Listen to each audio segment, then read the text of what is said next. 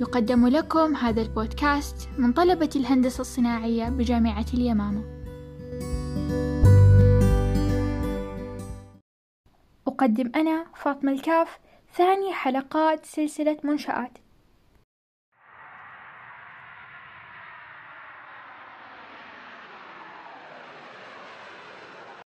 ما هي إلا دقائق لهبوط الطائرة، حماس غامر لبدء تجارب وذكريات جديدة.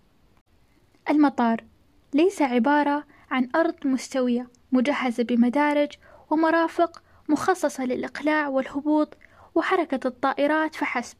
المطارات حيث النقطة الأولى في أي مدينة نحط أقدامنا عليها، هي نقطة الدخول والخروج الرئيسية في بلدان ومدن العالم، حتى تتنافس الدول في خدماتها وتصميمها.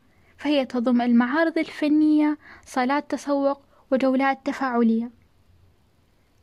أنظمة تفتيش دقيقة ميزانيات طائلة تخصصها الحكومات لمطاراتها إذ يشكل أمنها وسلامتها هاجسا بالنسبة لحكومات العالم.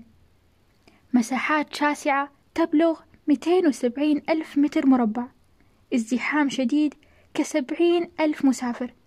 وعدد رحلات يتجاوز 500 رحلة يوميا في مطار العاصمة الرياض فما دور المهندس الصناعي في خضم هذه الأرقام؟ يعمل المهندس الصناعي كمحلل للعمليات في شركات الطيران ويقوم بتحليل المسارات وجدولة الرحلات بما يحقق أقصى استفادة من الموارد البشرية والمعدات وأيضا كمصمم لما يسمى ب bar coding system لنقل أمتعة المسافرين وضمان عدم ضياعها. يختص دور المهندس الصناعي في المهام الأساسية في المطار. تفسير وتحسين وتخطيط نظم وطرق العمل عن طريق دراسة ومحاكاة. تصميم أجهزة وماكينات تساعد على حمل الأجسام الثقيلة من وإلى الطائرات. أيضا يهتم المهندس الصناعي بتصميم وتحسين عمليات المطارات مثل جدولة الرحلات المغادرة والقادمة وجدولة مواعيد صيانة الطائرات.